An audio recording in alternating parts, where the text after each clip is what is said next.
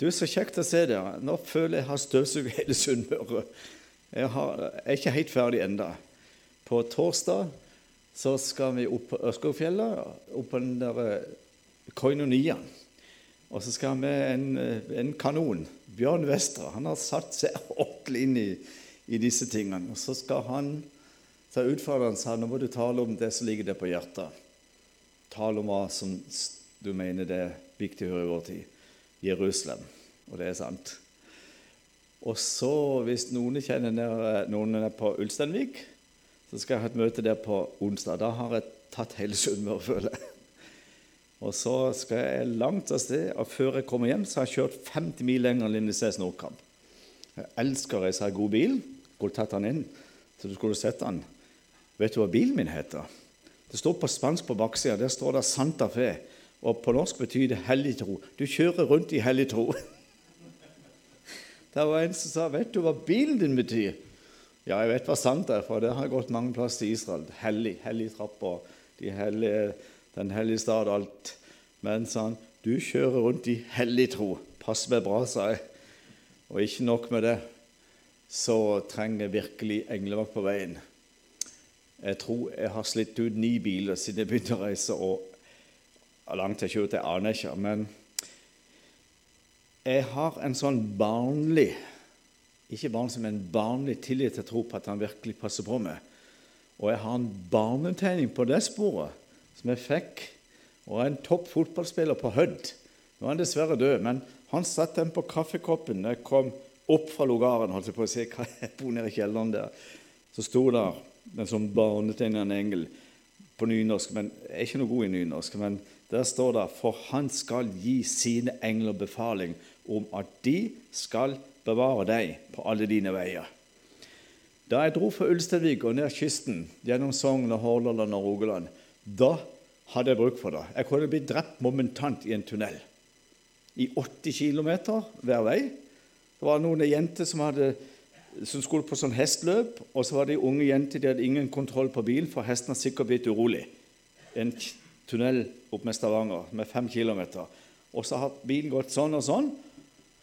Jeg kan ikke ta det nå, men vet du hva? Jeg ble stoppa pga. jeg er glad i reker.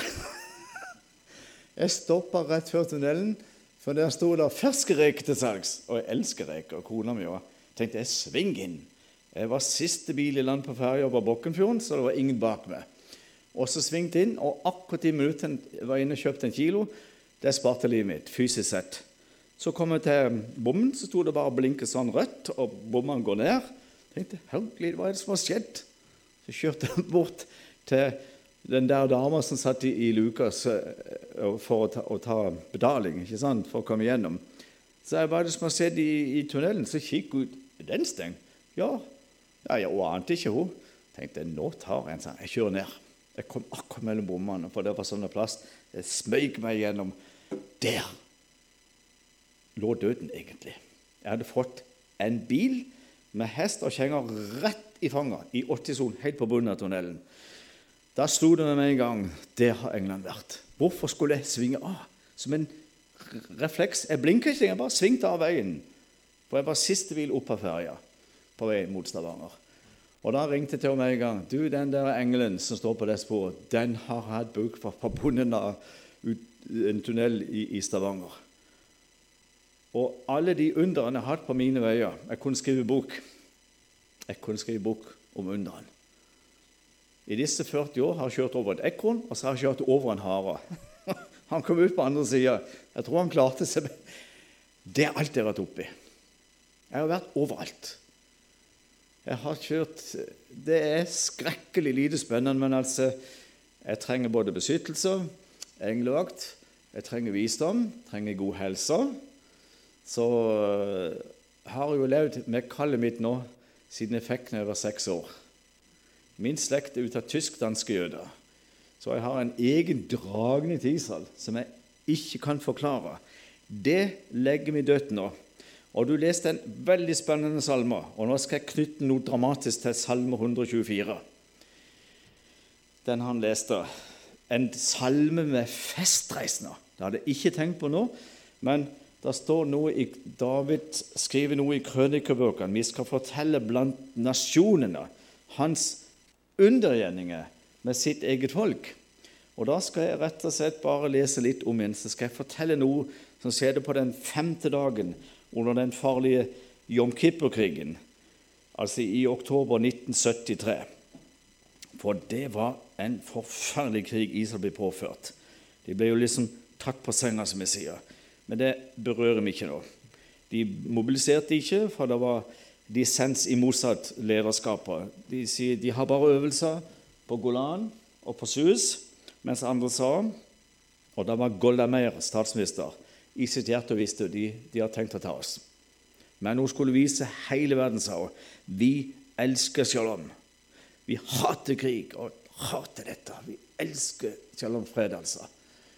Og så valgte hun å lytte på han Moses sa de har kun militærøvelser.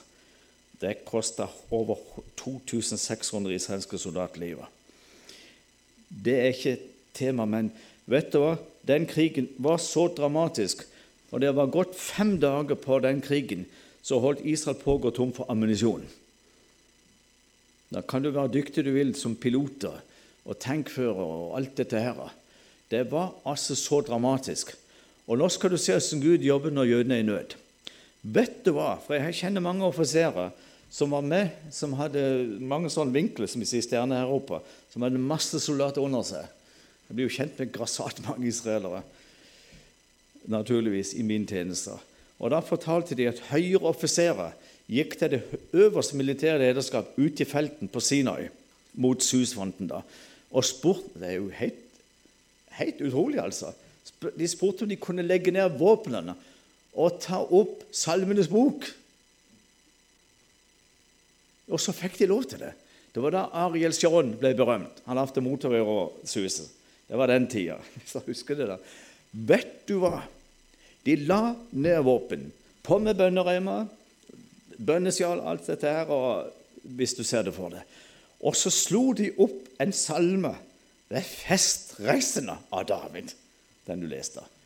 Er de gått ifra forstanden? Vet du, Det står mange plasser i Bibelen om, om jødene når de er nød. I sin nød, i sine prøvelser og sine trengsler skal de søke meg. Det er hele summen av Salme 107. Om og om igjen. I sin nød, prøvelser og trengsler skal de søke ikke der, men der. Og så får de forunderlige svar. Guds veier er usporlige, og Guds domme er uransakelig. Hør hva de leste. Så, vet du, så står de der. ikke sant? Det der kjenner du også med den bønnereimen på venstre underarm og på med hele dette flotte bønnesjalet. Så leser de det. Nå skal du bare få det om igjen, eller dere. En sang ved festreisen av David. Hør hvordan det begynte. Eller det begynner. Hadde ikke Herren vært med oss, så sier Israel. Hadde ikke Herren vært med oss da menneskene sto opp imot oss, da hadde de slukt oss levende. Det er et utrolig treffende mynt. Vi hadde slukt rått. Liksom som ei løve går løs på et bytte. altså Rått og brutalt. Ja, da hadde de slukt oss levende. Da deres vrede var opptent imot oss. Så går han liksom inn i sånn poesi. Da hadde vannene overskyllet oss, en strøm var gått over vår sjel. Da var de gått over vår selv de stolte vann. Og så snur han på det. Og det er midt i krigen. Det var så kritisk det femte døgnet på Jom Kippur. Det var da ja, jeg skal ta det etterpå. Det er utrolig spennende. Da har du dette i sin nød. I prøvelse og trengsel så går det oppad. Heldigvis. Vi har en åpen vei. Lovet være Herren, som ikke ga oss til råd for deres tenner. Vår sjel er unnsluppet som en fugl av fuglefangerens snare. Snaren er sønderrevet, og vi er unnsluppet, leste de. Det er det mest kritiske døgnet på alle kriger Israel ble påført siden det ble en stat. Og så står det her og sier, lovet ved Herren som ikke ga oss til råd for deres tenner. Vår sjel er unnsluppet som en fugl av fuglefangerens snare. Snaren er sønderrevet, og vi er unnsluppet. Og så har du nøkkelordet. For vår hjelp er, ikke skal, men er, i Herrens navn, Han som gjorde himmel og jord. Og hvem er det de roper på, egentlig? Hvem var verksmester hos Gud? Han er født i Betlehem. Egentlig roper de på Messias. Skal du høre? Det der er, Jeg holder meg i teksten, altså, for jeg sa vel i bladet hva er spesielt med Israel. Ikke alt, men veldig mye. Da var Golda Meyer statsminister, og hun var helt knust, for hun visste i sitt hjerte de kommer til å angripe oppe på Golan. Det er jo de tre mil med grensa inn til Syria. Og så er det ikke langt inn, så er du inn til Damaskus. Og så er det ned på Suez. De angrep med over én million soldater på Israels aller, aller helligste dag. Folk er i fasta. Ingen kjører bil, ingen er på jobb, skolene er stengt. Altså Landet er lamma i 24 timer. Så kom det militære angrepet parallelt, når jødene egentlig skal være fysisk på det mest, altså minst mottagelig for, for forsvar. altså. Når de skal gå inn i siestaen De har jo to timer siesta sånn når det er jo veldig varmt i Midtøsten. Det hender jo det. Og da kom angrepet. Og så var det så kritisk at det femte døgnet så ringer Gollameyer, som kjente president Nixon veldig godt. Vet du vet du hva Nixon sa om Gollameyer? Nå må dere damer høre godt etter. Vet du hva han sa? Det var før Watergate, alt det der. der. Det eneste mannfolk i den israelske regjeringen heter Gollameyer. Hun var ikke tappet i vogna, altså. Så ringer hun midt på natta til Det hvite hus. Nixon ligger og sover i halv fire-tida, og så forteller hun hvem hun er. Og det er rett på sak. Du må hjelpe oss. Nå, sa hun. Vi har gått tom for ammunisjon. Det er kritisk. Nå må du høre åssen Gud jobber. For mange mange år siden, når Nixon var en liten gutt på fanget til sin mor, så får en rabbiner gå til hennes mamma og si din sønn skal hjelpe Guds eiendomsfolk en gang i tiden. Så kom det opp hos han.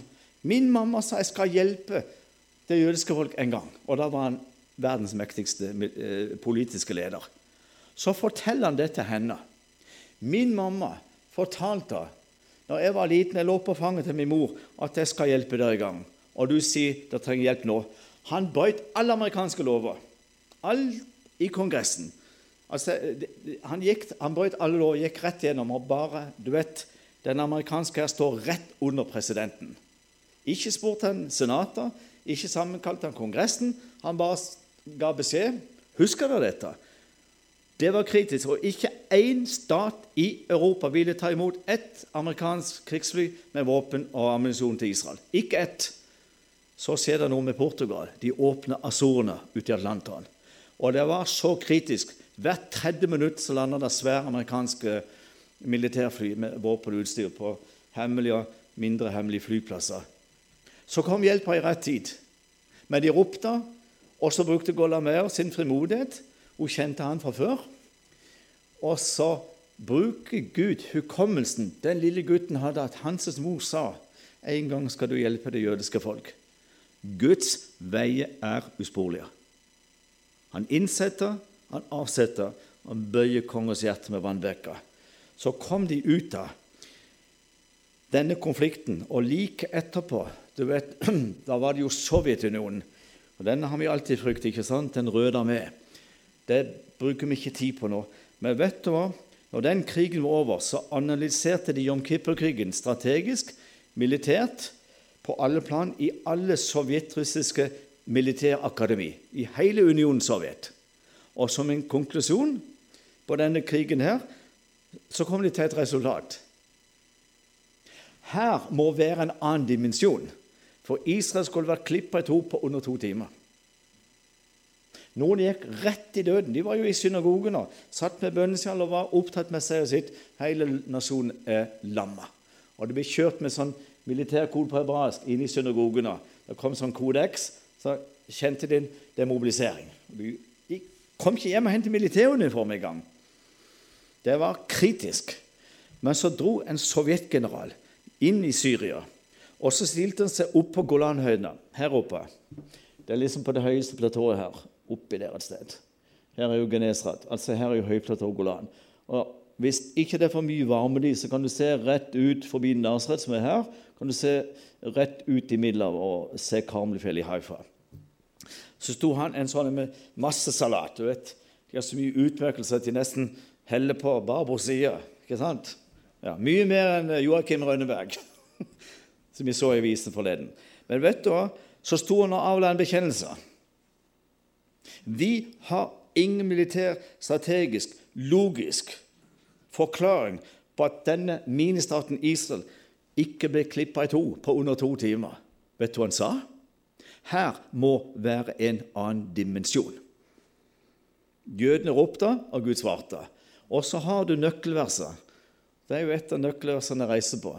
Og det står i Jeremias 31, vers 10.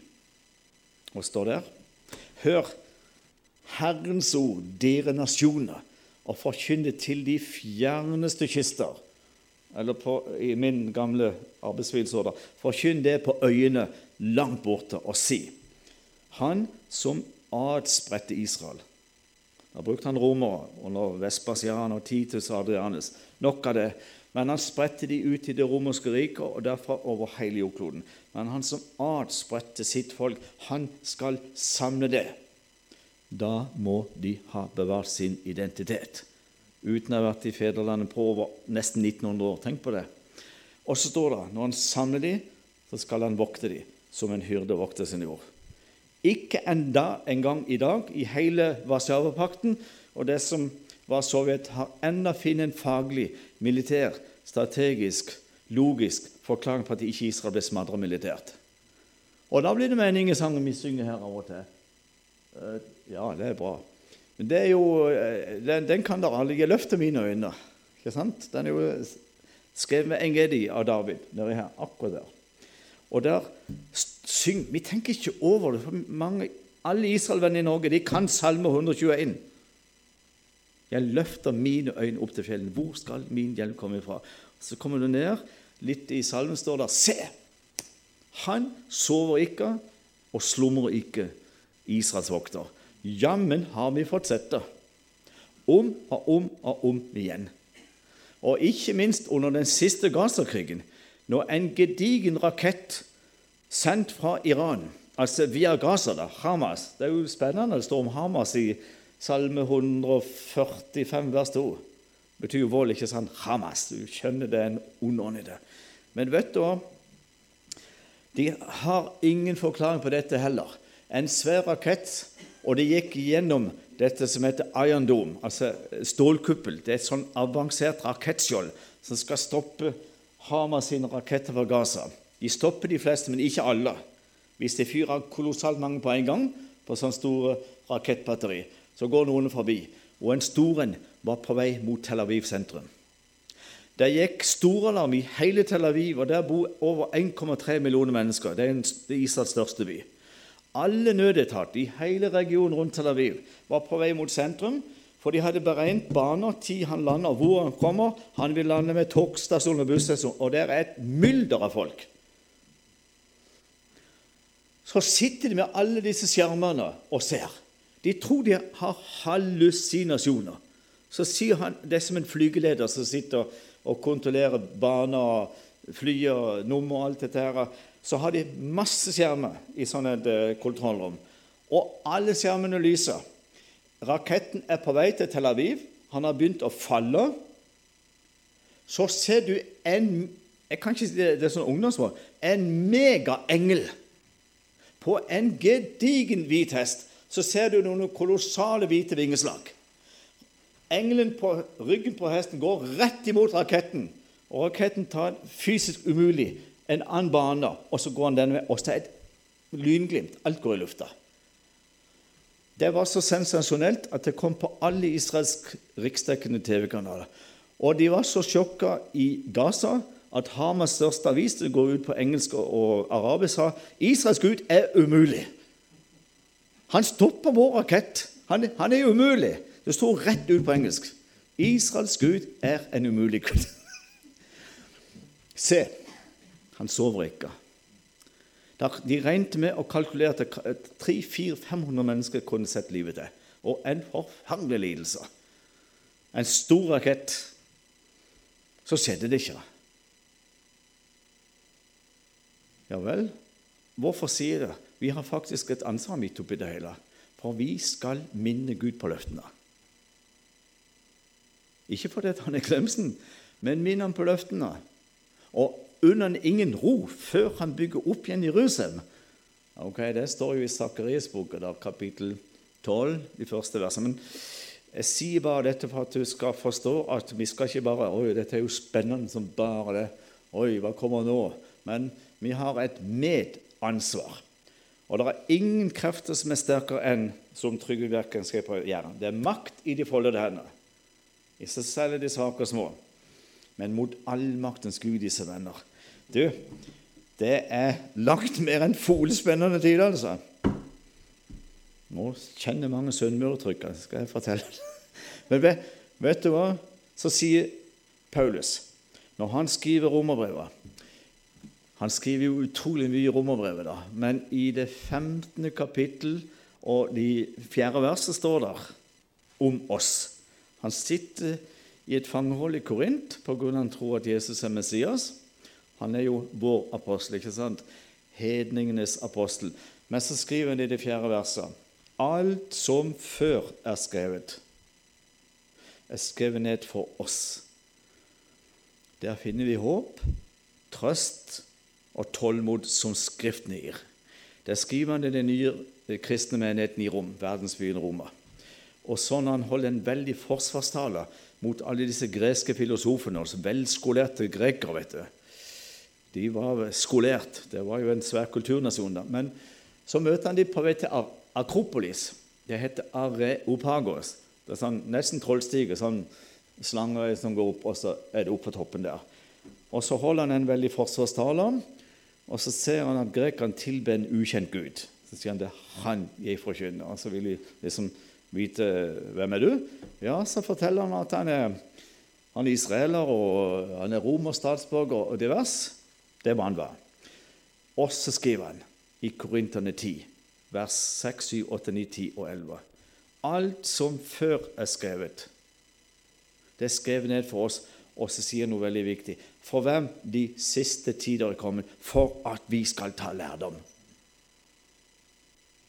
tar vi lærdom av alt som Gud har handla med dette folket. Og det er nok å gå løs på, for vi vet at 25% av Bibelen er profetiske skrifter.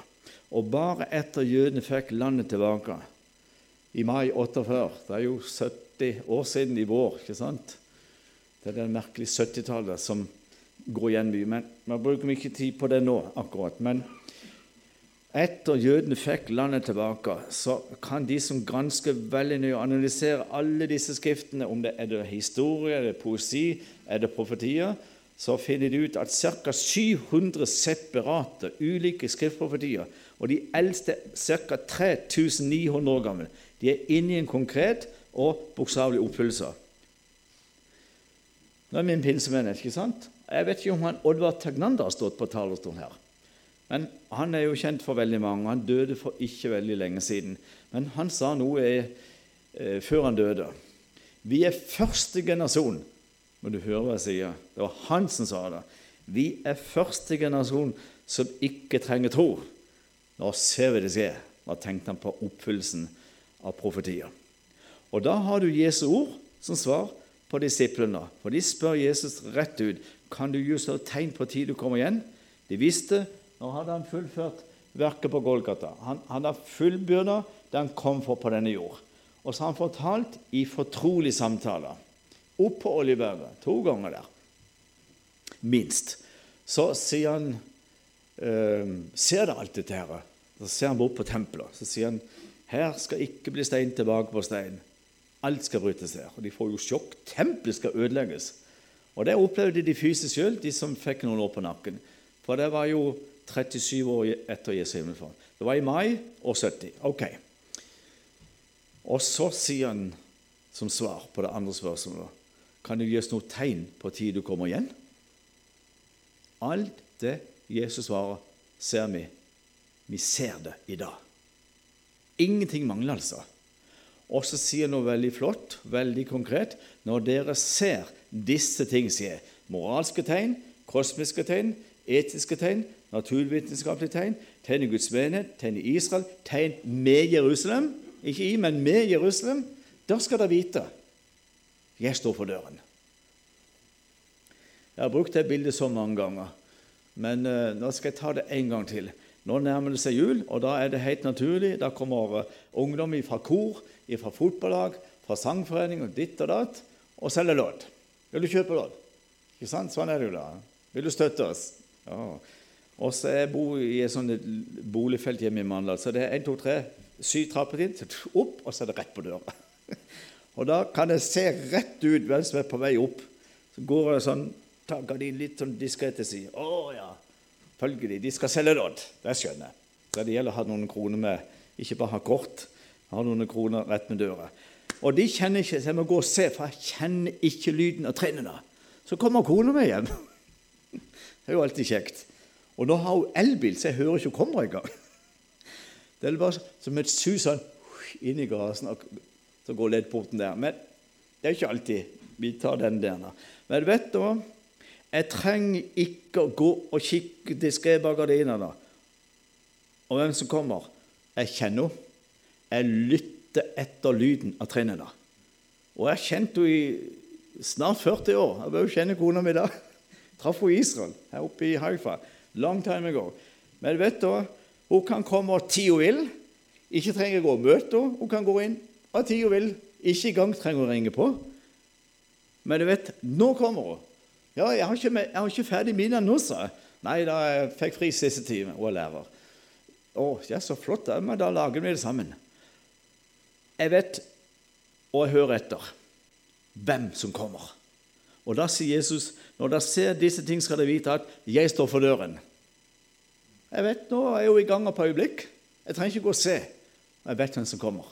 Så er spørsmålet for oss som lever i dag Vet vi at Jesus i dag står for døren? Han kan omtrent komme når som helst. Egentlig trenger jo ikke oppfylles noen ting mer, altså. For alt det Jesus svarer, som uh, Matteus skriver i det veldige 24. kapittel, og der Markus har det litt sånn i telegramstil, sånn rett på sak, det viktigste. Det ser vi. Og Lukas han var jo lege i Jerusalem. Han får med seg alle detaljer. Han har to kapitler på det. Alle detaljene. Og det er han som skriver om Jerusalem skal ligge nedtrådt av hedninger inntil hednings tid er omme.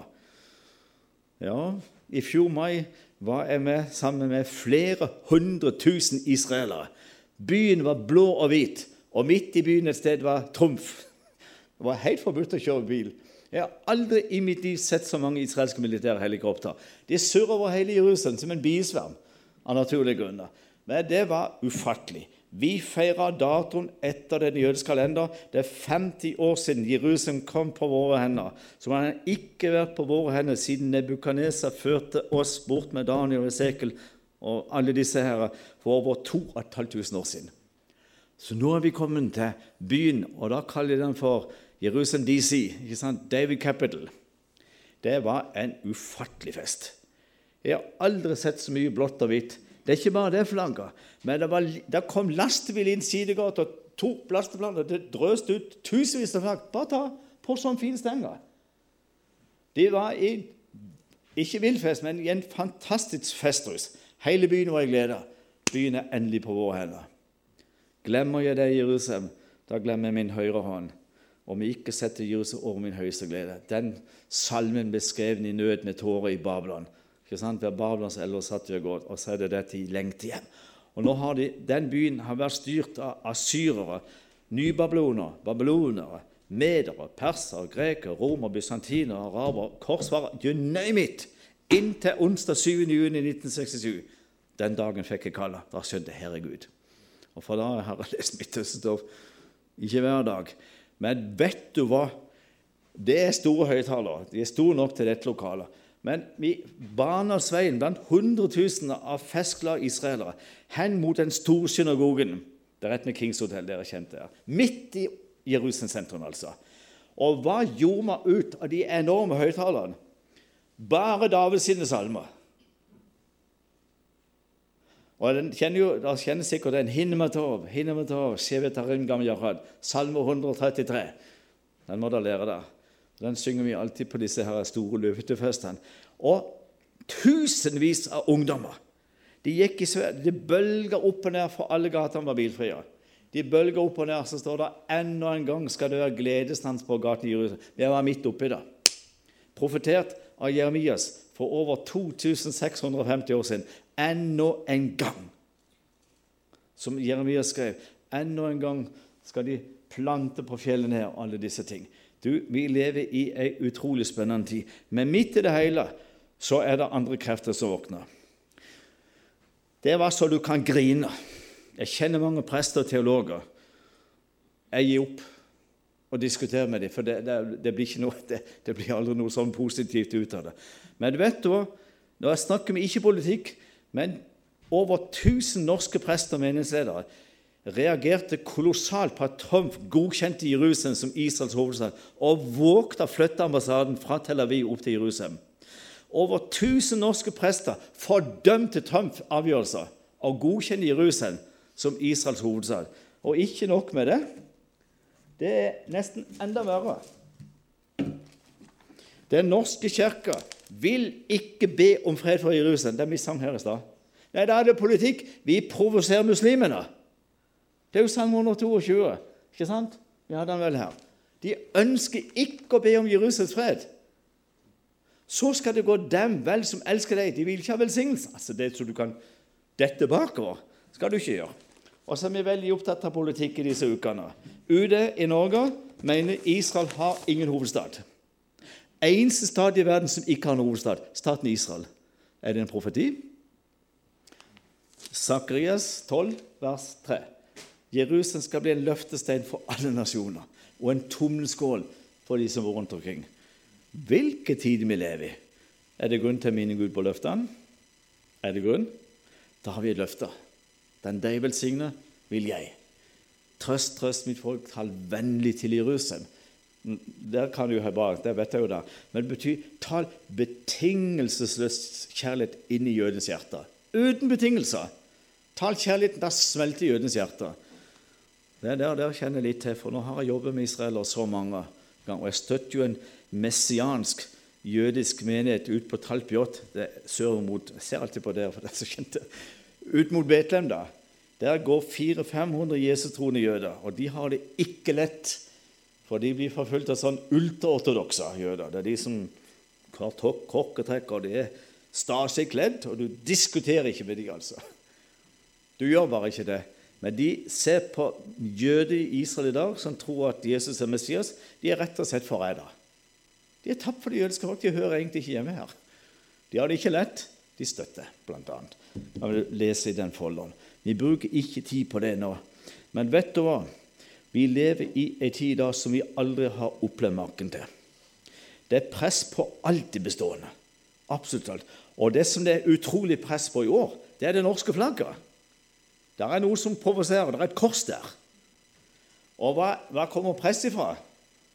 Og det, hvilke flagg heiser de mot? Jeg har jo gått i militæret. Vi lærte jo så mye om flagg. Flaggets heder og ære. er utrolig strengt det med flagg. Tidet skal opp, og tidet skal ned. Ja. Og nå kommer det andre flagg inn på kommunale, fylkeskommunale og statlige flaggstenger. Du vet hva jeg snakker om. Som det var, skal det bli. Hva er det jeg tenker på da? Som det var i Lots dager. Det er 4000 år siden. Abraham var jo onkel til Lot, ikke sant? Og så endte de Soloma, alt dette her. Men da vet vi etter vannflommen nå, så satte Gud opp en regnbue på himmelen som bevis på at jorda aldri mer skal ødelegges med vann. Den er spart til ilden. Og nå Alle vet jo jeg er sørlending, da. Men det var en vaktmester på en videregående skole i Tvedestrand nede i Aust-Agder. Han holdt på å miste jobben for han nekta å heise regnbueflagget på skolegården til gymnaset der. Og det var et styr, noe så grassat, altså. Han holdt på å miste jobben. Og så spurte de rett ut på Sørlandssendinga. Det tilsvarer Mørenytt, eller deres lokalradio. Du, er det noe religiøst du begynner med? Er det noe religiøst? Ja. Så svarte han stille og rolig og beherska. Ja, jeg bruker Bibelen, sa han. Jeg kan ikke. Og så var de ikke interessert i å spørre mer. Han holdt på å miste jobben, for han sto på retten. Og nå er det uretten som tar overhånd. Det er ånd i det flagget. Og det norske flagg bygger på Golgata, alle de nordiske. Vi har kors i alle sammen. Og har jeg, jeg har to offentlige 17. mai-tall i Mandal. Det er utfordrende. Jeg får fem, seks, sju minutter, så jeg tar det over. Så er det jo flott sangforening som spiller, og det er jo så flott. Jo, og da står jeg i sørlandsbunad, altså. Men vet du hva? Det er skrekkelig spennende, og da må jeg balansere. Korset skjærer rett i det norske flagg. Og det er vårt. Og nå vil det vekk. Se hva som skjer på fotballandskamper på Ullevål. Det flagget er ikke der. Det ligner på Thailand-flagget, for de har vekk korset. Se åssen det går. Og Bibelen sier, 'Se åssen det går med dere når dere forlater meg.' Se åssen det går. Da mister min velsignelse. Nei da, vi har olje, vi har olje for nå. Vet du hva? Jeg leser noe spennende for det.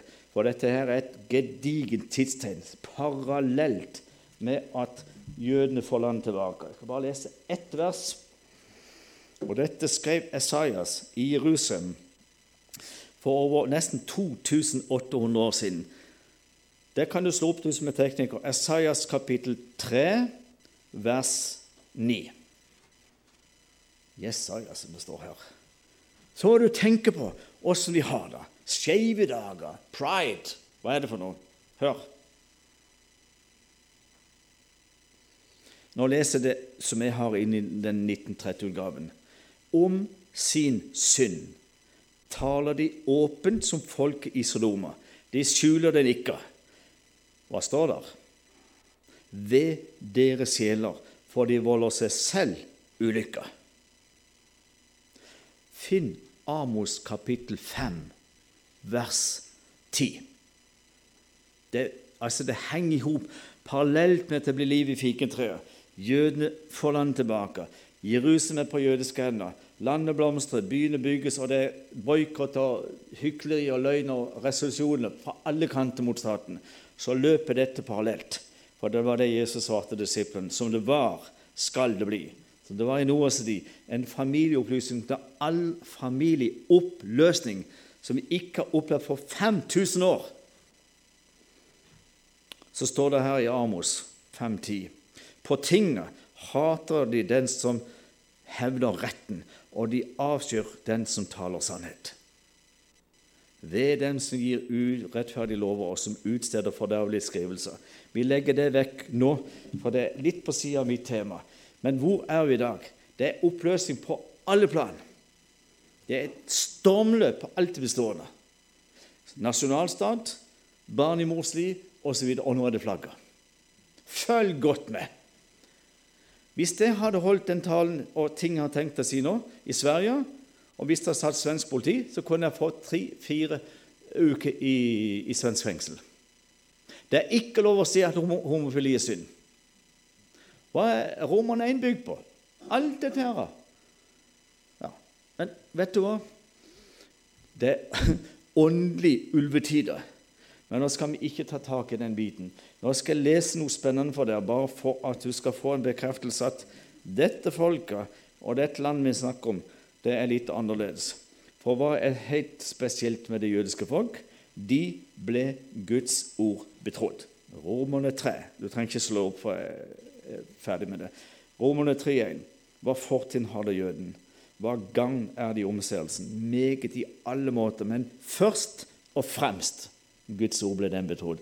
Tenk å bli betrodd å skrive ned Guds ord. Og hvilket folk hadde han brukt? da? Det er mest trassige og vinglete og ugudelige folk han fant på jord. Hebreere. Gud sier til Moses dere er et hårnakket folk og er stive i nakken. Og de er jo knallharde, da, altså. Men hør, de elsket av løftene til Abraham, Isak og Jakob. De betingelsesløse løftene. Jeg leser noe for dere. For Gud han legitimerer seg gjennom Israel. Jeg skal bare lese tre korte vers. Det kan du godt finne 2. Samuels bok, kapittel 7. 2. Samuel, 7. kapittel, vers 23. Her står noe veldig spennende. Og David kjente jo Mosebøkene. Han vokste opp i Betem, og så var han jo konge i Hebron og Jerusalem. Men nå undres han over det folket han lever mellom. Han undres, han som skriver jo nesten alle sine salmer her. Han skrev alle sine salmer her. Det bitte lille området der. Og her skrev han 'Jeg løfter mine øyne'. Ok, nå leser jeg. Vers 23. Så stiller han et spørsmål. Han, det er akkurat som han samtaler med Gud. Gud sitter og hører på. Det er typisk jødisk tankegang når du hører bønnen. Så spør han rett ut. Og hvor er det på jorden et eneste folk som ditt folk, som Israel, et folk som Gud kom og fridde ut? Så det skulle være hans eget folk. Og så kommer det noe viktig. For å gjøre seg et navn. Vi kjenner Gud og Jesus kun i og gjennom det jødiske folk. Det vet vi. For å gjøre seg et navn. Og for å gjøre dette store for dere, og for herlige gjerninger for ditt land, for ditt folks skyld, som du fridde ut fra Egypten, fra hedningfolk og deres guder. Han stiller spørsmål. Fins det altså På engelsk står det vel 'the uniqueness'. Altså, er det noe som kan Er det noe analogi til det jødiske folk? Det er det jo ikke. Han sier det jo sjøl. Og du dannet til ditt folk Israel, så det skulle være ditt folk til evig tid. Og du, Herre, er blitt deres Gud. Så minner han Gud på løftene gjennom Mosebøkene. Så oppfyll nu, Herre Gud, for evig tid det ord du har talt over din tjener og hans hus, og gjør som du har sagt. Gud, nå må du holde ord. Så kommer en konsekvens, og det er den vi skal ta, det er den vi skal høre. Da skal ditt navn bli stort til evig tid, så folk, altså Goyim, ikke sant, hedningefolkene skal si, Herren Herskerens Gud er Gud over Israel. Så skal du bare få bekrefta gjennom Esaias kapittel 60, vers 21. Du trenger ikke slå det opp på, på, veggen, for jeg skal bare Ikke fort, men jeg skal lese det. Esaias 60, vers 21. Bare liksom for å høre at Gud spiker det fast, altså. Og ditt folk, de er alle sammen rettferdige. Til evig tid skal de eie landet. De er jo en kvist som jeg har plantet, et verk av mine hender, til min ære. Krystallklar tale. Så skal du få fra Moses rett før han dør. Han vandrer opp igjen her. Jeg har fulgt Moses' fotspor nesten fra de gikk ut av Gosen. Da var det du fikk lov å reise på Sinai og inn i Jordan osv. Men da har de altså kommet opp gjennom her, og Moses er 120, og så dør han der. På Nebo berg, på Piskastopp. Han ser ned i Eko. Og Gud gravde landet, og ingen fant han. Men altså, så sier han rett før han skal overlevere stafettpinnen til Josva, så sier Gud gjennom Moses.: For et hellig folk er du for Herren din Gud. De har Herren din Gud utvalgt av alle de folk som er på jorden, til å være hans enes. Veldig kort om enkelte forunderlige ting. For um, David skrev i krønikeboka vi skal fortelle blant nasjonene om undergjerninger. Bare veldig kjapt. Moses får masse beskjed, det er jo fem svære bøker her, at det skal komme en tid, noe så forferdelig for dem, at de skal drives over hele jorda. Bare litt ondt. De skal kun bo i fiendeland. Bare blant fiender, altså. Gi meg navn på én nasjon i dag som står med Israel. Betingelse én nasjon. Den kommer ikke. Inntil de tar tak i en jødisk manns kappevold og sier 'Vi vil gå med dere, for vi har hørt Gud er med dere'. Det er konklusjonen på Sakarias 8. da. Spennende. Enormt. Og det trenger ikke være så veldig lenge til. Men vet du hva? Moses forteller når de skal flakke omkring i verden, skal de aldri bli bønner. Mange upopulære yrker skal de drive med. Pengeveksling, skatteoppkrever, alt det der. Ok, Og så til slutt så blir det jødepriser. ikke sant? De skal straffe for de ikke har noe land, og ikke hadde de språka. Alt mista de.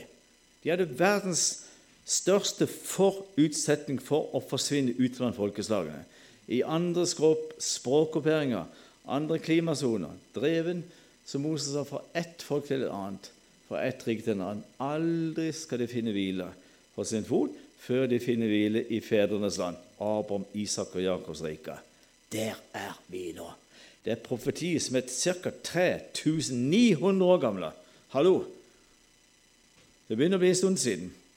Vi er midt oppi det, folkens. Midt oppi det. Og så kommer de hjem. Bare ta den biten. De har flakk omkring overalt, altså. Den vandrende jøder. Kommer de inn tre år etter holocaust er over. Landet ligger brakk. Les Esekiel 36. Det er ødelagt. Les memorarene til USAs mest berømte forfatter i det 18. århundre. Han heter Mark Twain. Han kom i land for 151 år siden, der Peter bodde hos Gaver ved havet, i Joppa. Det er en av de eldste havnebyene i verden. Det er jo rett ved Tel Aviv, her. I han Jaffa, eller Joppa. Og så får han tak på sånn et donkey, et esel. Så dro han Det der er litt spennende. Han avla en bekjennelse på at profetiene er i oppfyllelse. Mark Twain. Så drar han fra Nå er det jo Tel Aviv, da. det er stor Tel Aviv. Men så drar fra Joppa eller Jaffa opp mot Jerusalem. Byen ligger nesten i grus. Så drar han ned disse dalførene. Så kommer han til Jeriko. Så følger han Jordanelva. Han følger Jordanelva på vestsiden av elva. Helt opp til Genesad, og så slår han seg midlertidig ned i Tiberias. Så skriver han i sine memoarer Dette var i 1867, akkurat 100 år før seksdagskrigen. Det er lett å huske, spør du meg. Men vet du hva? Så skriver han det er dette danskene kaller det for gjettet land. Han traff ikke ett menneske i sentral-Israel, fra Tel Aviv eller Joppa, Jerusalem, Jeriko, opp til Tibet. Han sa landet er folketomt. Det som preger det lovede land, eller det forjettede land, som danskene sier, det er jøder til å kultivere det igjen.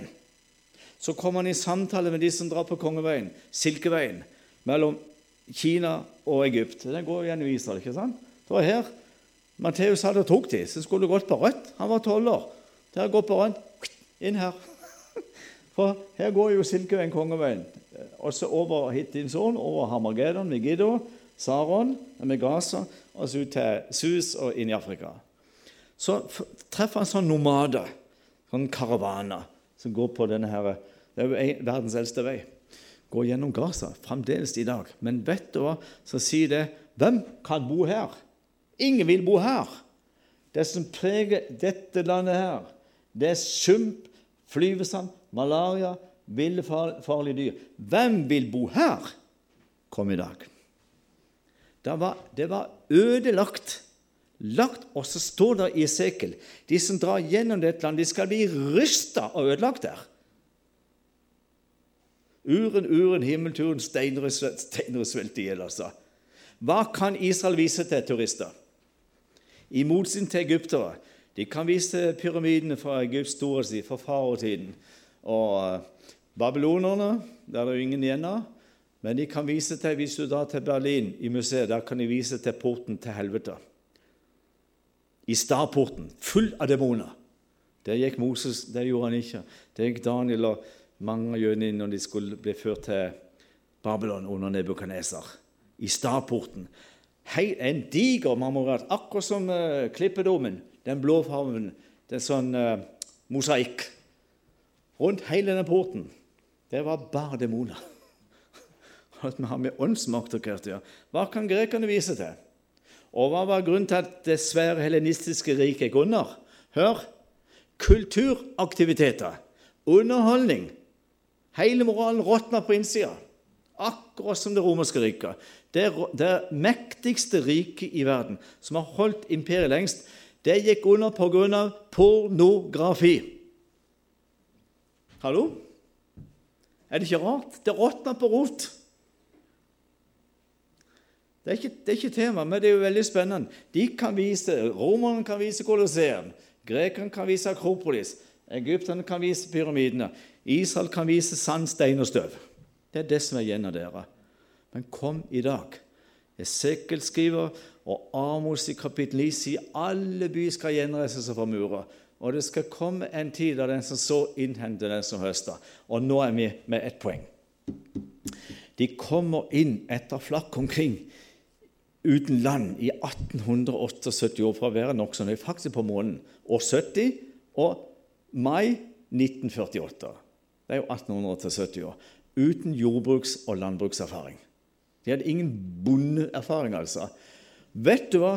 Israels legendariske statsminister Ben Gurion Det er jo det navnet på flyplassen vi lander ikke sant? Ben Gurion Airport innenfor Tel Aviv her. Det er hans oppkalt etter han.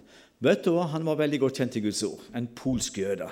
Så ble han kjent med Goldi Meyerson, som tok et hebraisk navn som heter Golda Meir. Hun var jo statsminister under Jom Kippur da. Og hun, kunne, hun var ekspert på høns og tipperesultater. For hun drev med høns på et sånn eh, kollektiv i Galilea. Og så samtaler de. Så tenkte de hvis patriarkene kunne leve her for ca. 4000 år siden David for ca. 3000 år siden de store skriftprofetene fra 2500 år siden pluss minus da var vi kunne leve her i dag. Og vet du hva de gjorde? De, hør, det, det, er så spennende. Se hvordan Gud jobber med jødene, som du aldri får greie på i, i media. Det gjør du nok ikke. Men vet du hva? Ben Gurion han fant nøkkelkapittel i Moseloven, Mosebøkene, og det står i 5. Mose kapittel 8. Og speiderne bekrefter det når de kommer inn med ei. Det er sant, Mose. Det er mye mer enn det du sier. Det flytter virkelig over av melk og honning. kom de med diger drueklase. Og det er logoen til Israels turistminister. ikke sant? Vi sier Josva Kalev kommer med ei diger stang og ei svær drueklase som henger der. Og det var jo dere her, ikke langt ifra der David slo Goliat. Det er rett innenfor Gaza et sted. Never mind, der er det et sted. Men vet du, så står det der i 5. Mosebok 8 det er et godt land jeg gir dere. Det mangler ingenting. Hvor mange stater i verden på størrelse med norsk fylke har fem klimasoner samtidig? Det har Israel. Og de visste hva som For de gikk inn i Esaias, de gikk inn i Esekel, de så i Amor og så Jeremias. Hvilke type blomster, frukter, trær og vekster og blomst alt dette her, vokser i disse fem klimasonene? Her er aldri frost så ble det Jaffa, ikke sant? Sitrus. Så har du ørken. Det er både oliven og det er druer og litt av hvert. Men altså, de har kyst Forstå her. De har kystklima, ørkenklima den er på Negev. ikke sant? Og så har de fjellklima oppe i Juda, Idumea, eh, Samaria, og så har du nedre over Galilea. Fjellklima. Har du høyfjellsklima. Hermod. Hermonfjellet. Det er nesten oppunder 3000 meter. Det gir vann til Genesad, sammen med Golan og Øvre Galilea. Så har de subtropisk klima. Helt ned til halvvest til Eila, som er i bunnen her. Arabadalen. Og så, vet du hva, Tidlig på 1950-tallet for det, det strømmer jo inn 100 000 av jøder fra alle kontinenter, alle klimasoner. Så visste de på bakgrunn av Bibelen for Ben Gurion proklamerte vi må i dag, for å overleve i fedrenes bruke Tenar, som de sier, ikke sant? Bibelen som faglig oppslagsverk for å gjenopplive landet, for å ha noe å leve Vi må bruke Bibelen. Og vet du hva? Han fant et nøkkelvers som jødene i dag skal forstå at det er Gud som står bak. Så fant han Esaias kapittel. Det kan du slå opp. Esaias 41 fra vers 18 og vers 20. Vi kommer inn uten jordbrukserfaring. Og Første gang jeg var i Israel, da var jeg 25 år. Og det var Israel òg, for vi er like gamle. Hør her. Hadde de en gedigen landbruksmesse nord for Tel Aviv, på Saronsletta her. Så kom det inn jordbrukseksperter for å lære rasjonelt jordbruk av israelske bønder, som nå var blitt verdens ledende agrikulturnasjon. På 25 år ca. Og så leser vi noe utrolig spennende. Vers 18. Esaias.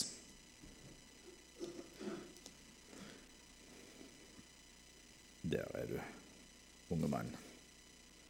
Der. Jeg vil, hva det står for noe, la elver, vers 18 Jeg vil la elver velle fram på bare hauger, kilder midt i daler.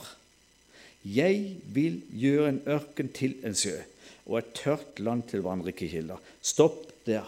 Nå skal du høre noe spennende som du kan hende ikke klar over. Men da har jo jeg lest Vistestoff i over 50 år, så la oss sitte der. Og jeg føler Du blir jo aldri utlært. Men eh, jeg vet ikke godt du følger med. Det er klimaendring i hele Middelhavsbassenget. Alle land har opplevd mindre og mindre og mindre regn. Og Tyrkia de har tatt konsekvensen. Det er jo en kjempenasjon. Og Tyrkia er et landområde nordvest for Iran, med mye jordskjelv. Det er høyfjellsland, ikke sant? Og så gjorde de noe som Assad det var far til styre da, Han ble så gal på tyrkerne, for han holdt på å tømme Eufrat for vann.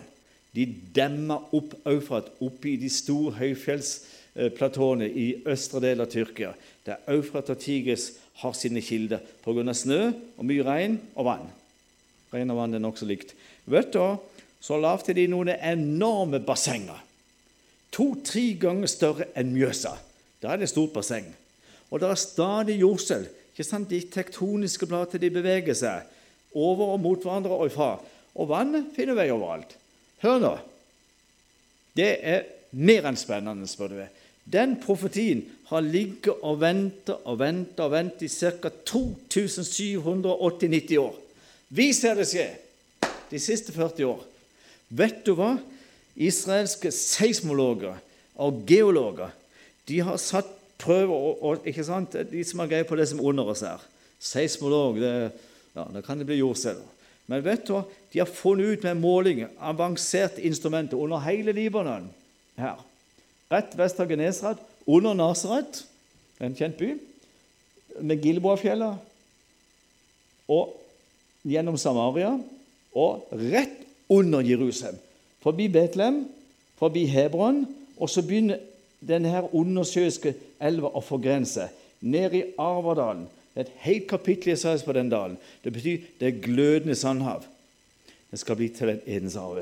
Og så forgrenser nedover mot Astad og Askeland og Gaza og for så vidt ned i, i, i Negerverken. Vet du hva? Pga. jordskjelvaktiviteten i disse områdene her, så har Israel kunnet anlegge flere hundre svære kunstige innsjøer i Negerverken. Og ingen plass i verden, sier de som driver fiskeriindustri i Negev, vokser fisken fortere enn her. Du kjenner petersfisk på Genesaretsjøen. Vi som har vært i Israel, har alle spist petersfisk. Ja, du er nødt til, ellers har du ikke vært. Det er typisk. Fullt arbeid Ok, men altså, vet du hva? Så sier disse her fiskerieksperten i Negeverken Du tror du har hallusinasjoner, for det står på russisk, hebraisk, engelsk og arabisk 'fisk til salgs'. Har jeg fått solstikk? Vet du hva? Så forteller disse her pga. nivået her begynner å falle, så kommer det forgreninger av sjøvann inn fra Middelhavet og det vannet som har vært sunt fra den elva, er blitt brakkvann. Og det er oppi 2,8% salt. Nå må du høre godt etter.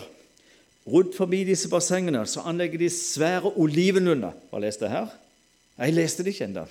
Nå skal jeg lese det først. Skal jeg snakke senere. Går det greit? Bare si nei. Bare si nei. Jeg vil.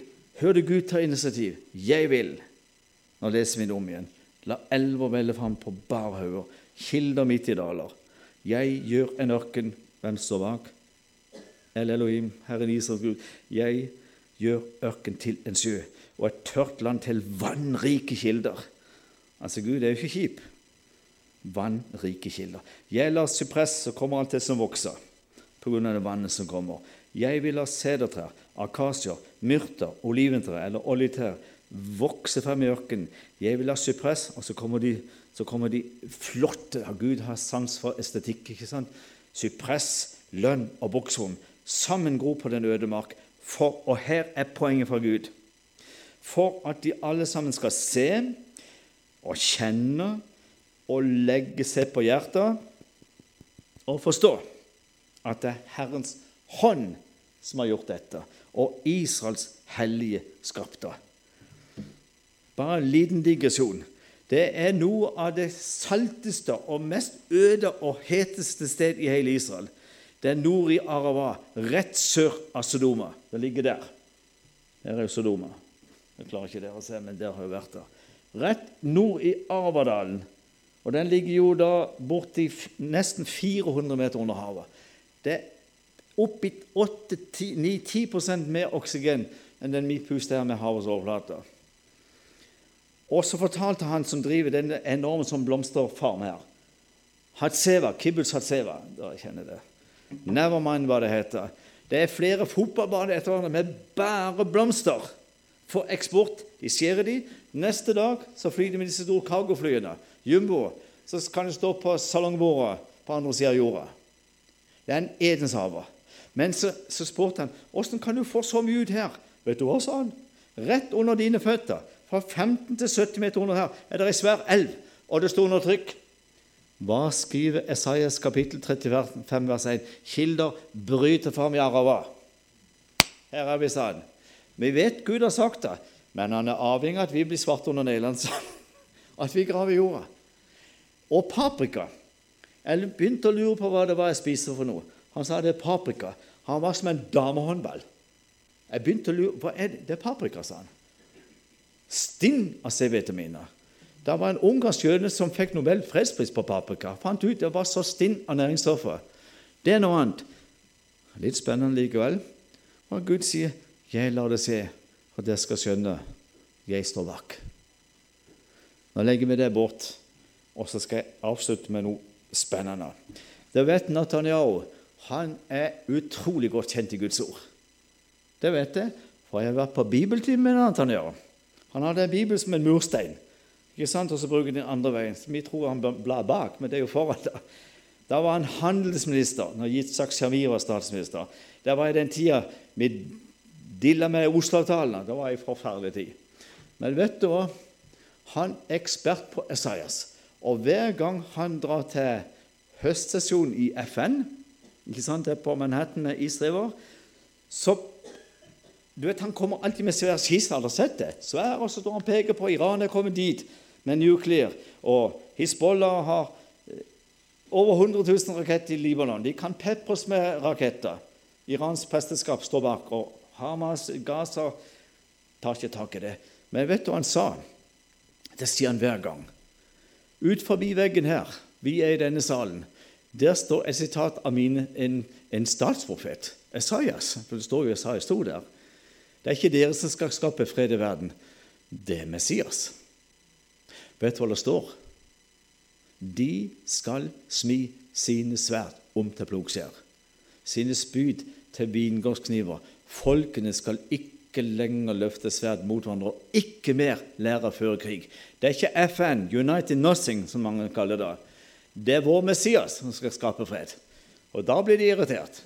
Og da går mange sånne arabiske delegater ut i protest. Sånn er det. Men vet du hva han sa i fjor? Det var rett og slett en vekkelsestale. Han siterte Guds ord to ganger fra alle delegater inn i FNs hovedforsamling. Og så begynte han sånn, for da tror jeg han hadde adrenalin i binyrene. Han sa denne talerstol og denne mikrofonen dette er arnestedet for en tsunami. Han brukte ikke ordet tsunami. Han sa det er et arnested for Det er et episenter for jødehat. Antisemittisme. Shame on you, sa han. Skam dere. Dere har fra denne talerstol, representanter fra alle nasjoner, gjort verdens eldste jødiske by, Hebron, til en palestinsk verdensarv. Jødene har ingen rødt i dette landet. Da tror jeg noen av dere kunne få adrenalin. Og så siterer han David i 1. Samuels bok, kapittel 15. Dere er populært i vår tid, moderne tid. Det er jo alltid moderne tider. Men han sa det er så up, up to date å snakke om fake news. Dere går mye lenger. Dere driver med velkalkulert, velkalkulert historieforfalskning med mitt land. Shame on you! Da blir det nokså stille. Og så sa han Gud, eller Elohim, min Gud, han er, ingen, han er ikke noe menneske. Han kan aldri lyve. Han har gitt oss dette landet. Det er det gøy å se på.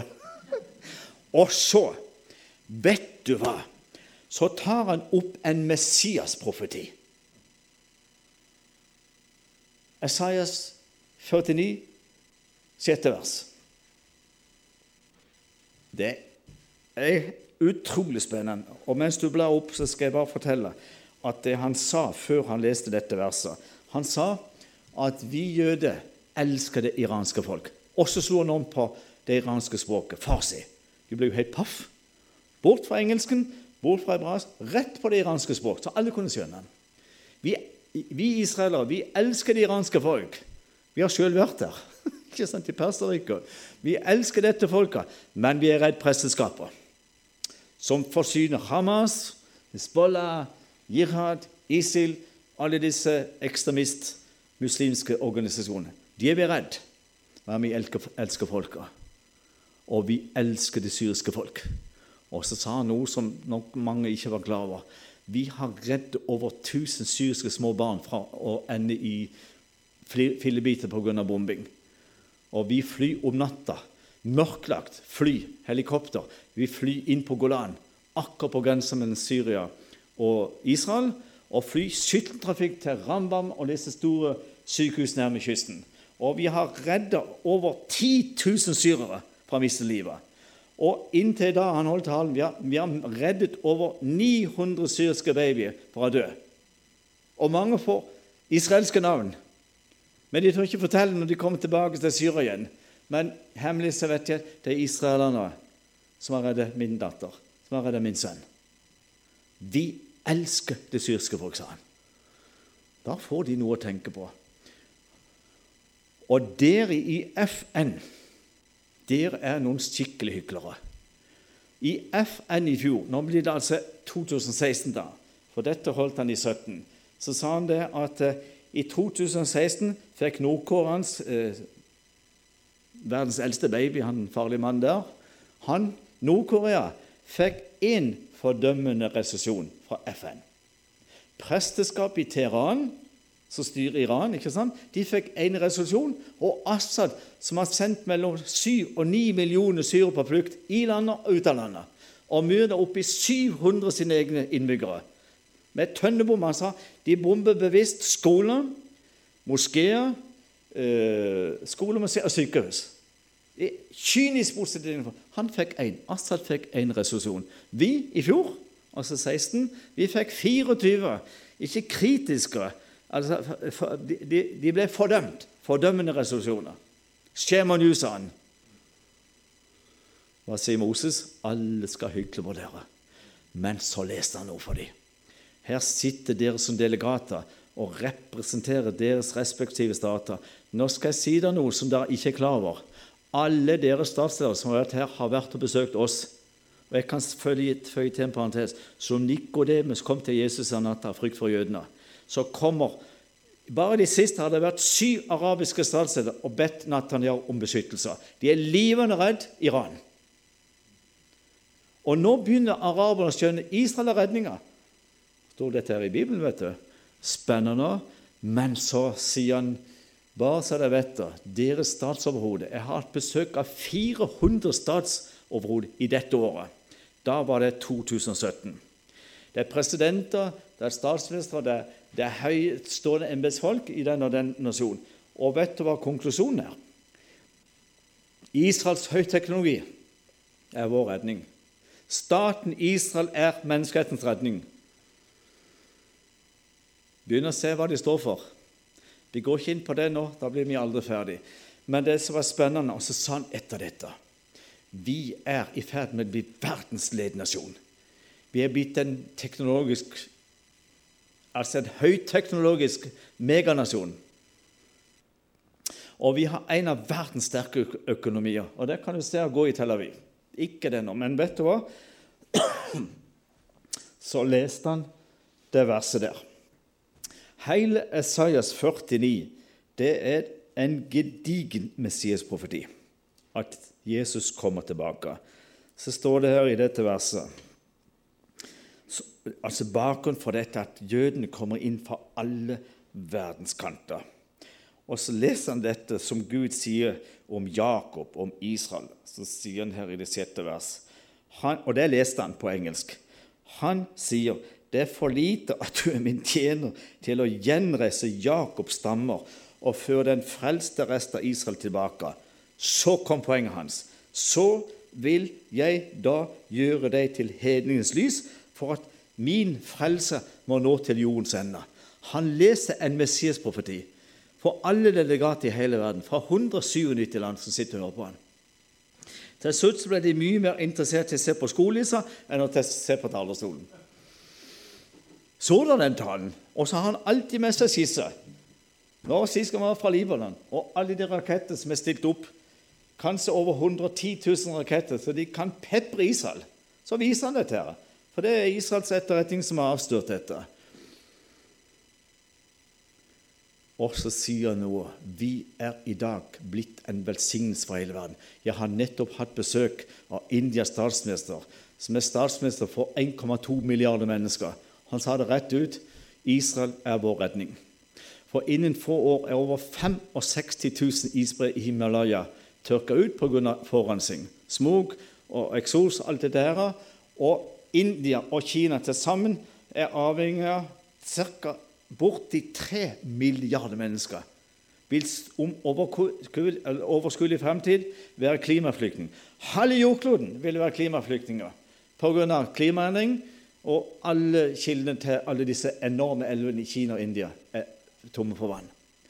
Så har Israel utviklet verdens mest avanserte avsaltingsanlegg med Askalon, Astod, Hadera og oppover her. Så sto de og skålte i vann. Så dere det? Nathanael sto i dress, det blaut opp under knærne, og den indiske statsministeren sto i sånn sari. Det er sånn kjortel, ikke sant? Og så sa de 'Lechaim'. Skål. Og det tar 18 minutter fra vannet som går inn i disse enorme rørene, i dette kolossale, avanserte avsaltingsanlegg, til det blir det flotteste drikkevann. Og nå kommer Kina. Sier vi Kina? Det er jo er 1,4 milliarder mennesker. Sier rett ut, disse lederne. Mange hemmelige besøk i Israel, vet du. Israel er vår redning. Så kommer spanjolene, kommer italienerne, kommer grekerne, så kommer araberne. Israel er redning. Hva sier Guds ord? Deres, vi skal bli en velsignelse for all the nations, står der. Og nå til jordens ende. Nå skal jeg avslutte på øyeblikk. Klarer dere litt det? Det er min verste fiende. Den der, der skulle være Er det ikke Elgert ennå? Hør, spøk til side. Jeg sa hva er spesielt med Israel? I grunnen mest. Men nede i Negev har Israel stått for verdens største løft. De har løftet et speil. Det rett til IDF, altså Israel Defense Force, har sitt hovedkvarter. Det er rett sør sør-øst av Berseba, der Abraham, Isak og Jakob bodde. Hvis dere kjenner hun der, Grete Tangen Olsen, som har Exodus Nord, hun har hus bare noen kilometer ifra. Det var hun som fortalte, for hun satt på med meg. Hun haika med meg fra Jerusalem. Så jeg vil, se, jeg vil se det du forteller. Og der har de altså heist opp verdens største speil. Med nanoteknologi. De har lagt ut altså, heter solcellepanel i tusenvis i en, i en avansert skal du kalle det for noe symmetri. Så de fanger toppenergi fra sola og, og får liksom brennfokus på speiler som går ut til tusenvis av speil. Så sa Det ene speilet som de har heist på toppen, som styres av solas gang, med nanoteknologi som går langt over de fleste hodene våre Ett speil gir strøm til en tredjepart av alle private boliger i hele staten Israel. Ett speil. Og så var jeg i fjor, når vi feira 50 år siden Jerusalem kom på sant, siden seksårskrigen. Og så bodde vi på hotell midt i byen. Agrippa hotell. Det er midt i hjertet av Jerusalem. Rett ved Benny Huda og Jaffa Street. Og, ja, midt i hjertet av byen. Og så spiser vi middag eller frokost på taket når det er vær og flott. Det er utsikt overalt. Så så jeg inn i en sånn kongresshall eller sånn stor konferansehall. Det var bare negre. Bare afrikanere. Så spurte jeg en av disse her som forsynte med mat hva er det som er der inne. Jo, her er folk fra hele Afrika for å lære å utnytte solenergi fra vår nasjon. Så gikk så gløtta på døra. Det var jo svart der inne, bokstavelig talt. De er her. De kommer her for å lære. Og da er vi inne i dette du så her. Vi er blitt en velsignelse. De lærer avansert solteknologi og utnytter sola, som det er mye av i Afrika, for å få maksimalt ut av Og sola er utømmelig. Jeg kunne fortsette. Det skal jeg ikke gjøre. Men vet du hva? Så sier Guds ord noe utrolig spennende. At jøden skal få landet tilbake på én dag. Det står i Esaias. Hvem har det helt på slutten? Jeg tror det er Esaias 66, er det vers 10. Ikke slå det opp, for hvis det ikke er rett, så blir det galt. Hør, det siste kapitlet. Så spør han rett ut Esaias skriver dette her. Hvem har hørt slikt? Hvem har sett slike ting? Kommer et land til verden på én dag? Komma, tankesteg. Og så reverserer han tanken i historien. Så går han tilbake. Så først ser han fram, og så går han tilbake. For Sion har vært i barnsnød. Holocaust. Og med det samme født sine sønner. Du kan regne, Det der er jo et spennende regnestykke. Jeg har på en av mine bibeltimer. Du kan regne ut på datoen når jøden skal få Jødeland tilbake. Den regnestykket finner du i 3. Mosebok 26. Den tar vi ikke nå. Da blir vi aldri ferdig. Men vet du hva? De skulle være over 900 200 døde utenland, og på en dag skal landet gjenoppstå. Og skal jeg avslutte. Mange ganger har jeg sagt det nå. Men ett vers. Amos 9, vers 11. Nå må du lytte godt, og så skal jeg si det veldig seint. Du vet, I Den norske kirke har vi en, et kirkeår. ikke sant? Man har en prekentekst, man har en lesetekst. Man, har, man leser noen hvert etter første salme, og sånn er det i Den norske kirke. En liturgi. Sånn har de israelske synagoger. De har et år, ikke sant? og så har de vært gjennom alle fem Mosebøker. Da er det en gedigen fest. Alle var med på Simka Torah, dere Haugen-brødre. Det er jo en fest som varer i 72 timer. Ok. Men vet du hva som var preken og leseteksten den ettermiddagen staten Israel blir proklamert av Ben Gurion. Beredelsesdagen, rett før sola går i Middelhavet, og du kan se tre stjerner på himmelen. Så er prekenteksten Hør! Samtidig som Ben Gurion proklamerer altså reborn, den gjenfødte nasjonen Medinar Israel, eller Eres Israel, så er prekenteksten dette. Du får sjokk. Det gjør du ikke. Men er Gud en nøyeregne Gud? Dette skrev Amos ut forbi Betlehem for borti 2800 år siden. Dere må jo finne det sjøl her. Amos, kom igjen. De der småprofetene er ekspert på å gjemme seg. Der er du. Amos, kom igjen. 9, 11. Legg merke til det er akkurat i de samme, den samme timen som staten Israel blir proklamert. For det er beredelsesdagen. Og sabbaten går inn når sola er gått ned. Og du kan se de tre stjernene på himmelen da. Så leser rabbinerne i alle jødiske synagoger det jeg leser nå. Hør hva det står. Ah, du har jo lest det? På den dag Hvem tar initiativ? På den dag vil jeg reise opp igjen Davids falne hytte. Det er Israel. Davids hytte falt i år 70. vet du. Og jeg vil mure igjen dens revner og reise opp det som er nedbrutt av den, og jeg vil bygge den opp igjen som i fordomsdager. Det var prekenteksten. Og på et museum i Tel Aviv står Ben Gurion og proklamerer staten. På den dag Vet du hva? Jeg beundrer Gud. Jeg ser han holder ord, han holder sin pakt. Han lar seg aldri bestikke. Derfor er Israels Gud trofast. Han viste inntil i dag. Du fikk noen digresjoner. Men inntil Nå har jeg ingenting her. Jeg kan stå lenger uten noe her, men det er ikke spennende. Men vet du hva? Inntil han kommer, og mye av dette skjer, de skal bli en velsignelse for nasjonene, og hans frelse skal nå til jordens ende, så har faktisk vi noe å gjøre vis-à-vis, eller overfor dette folket. Det er det som står i den der folderen du fikk av meg, denne lille flyeren, på baksida. Hvis du ser den, så er det ikke, er det ikke en skyggen av meg som ser ut som en ortodoks jøde. Det er en ortodoks jøde det står velsignet med, men bibel, min bibel over hodet på han, med vestmuren. Så står der, som jeg har satt inn på denne flyeren Vi som har fått del i dette folkets åndelige velsignelser, vi er skyldige i å hjelpe dem på det praktiske plan. Nå skal jeg gjøre det utrolig kort.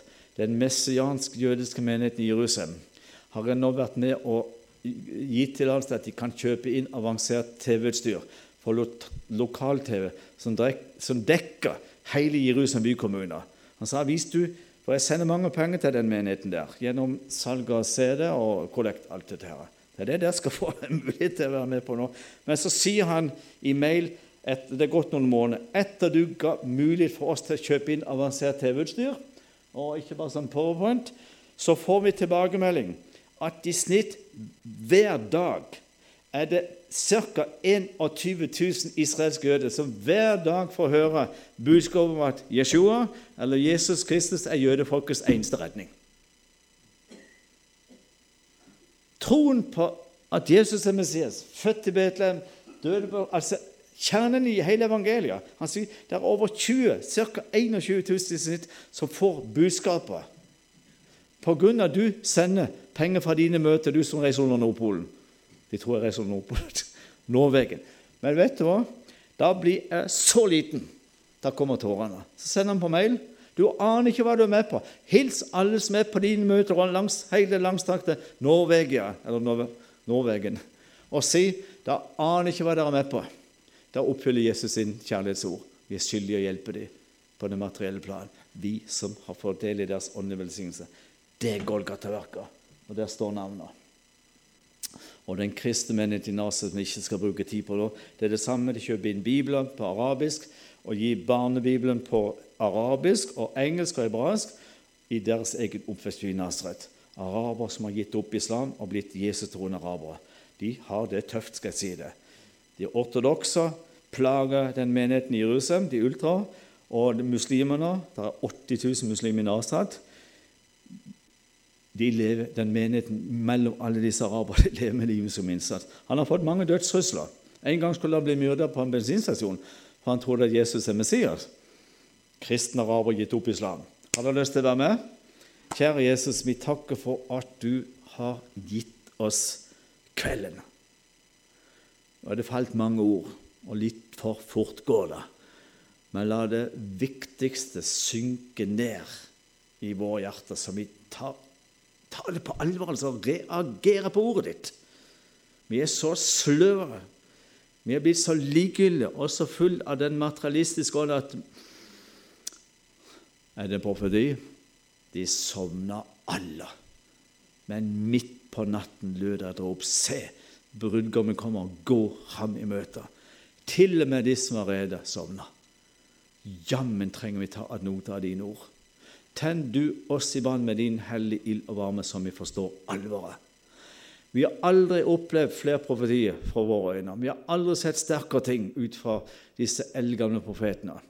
Det har ikke vært en generasjon som har større grunnlag til å tro at du er den du sier deg å være. Du er den hellige, du er vår frelser. Vi priser det for deg, Jesus må du legge ned mer bønnens ånd i våre hjerter. Vi har enda mer behov for å sette oss ned med Bibelen. Slå av TV, legge telefonen vekk. Lukke ned PC-en, altså. Og bruke tid på det ditt ord. Det er det vi trenger. Vis oss, da. Amen.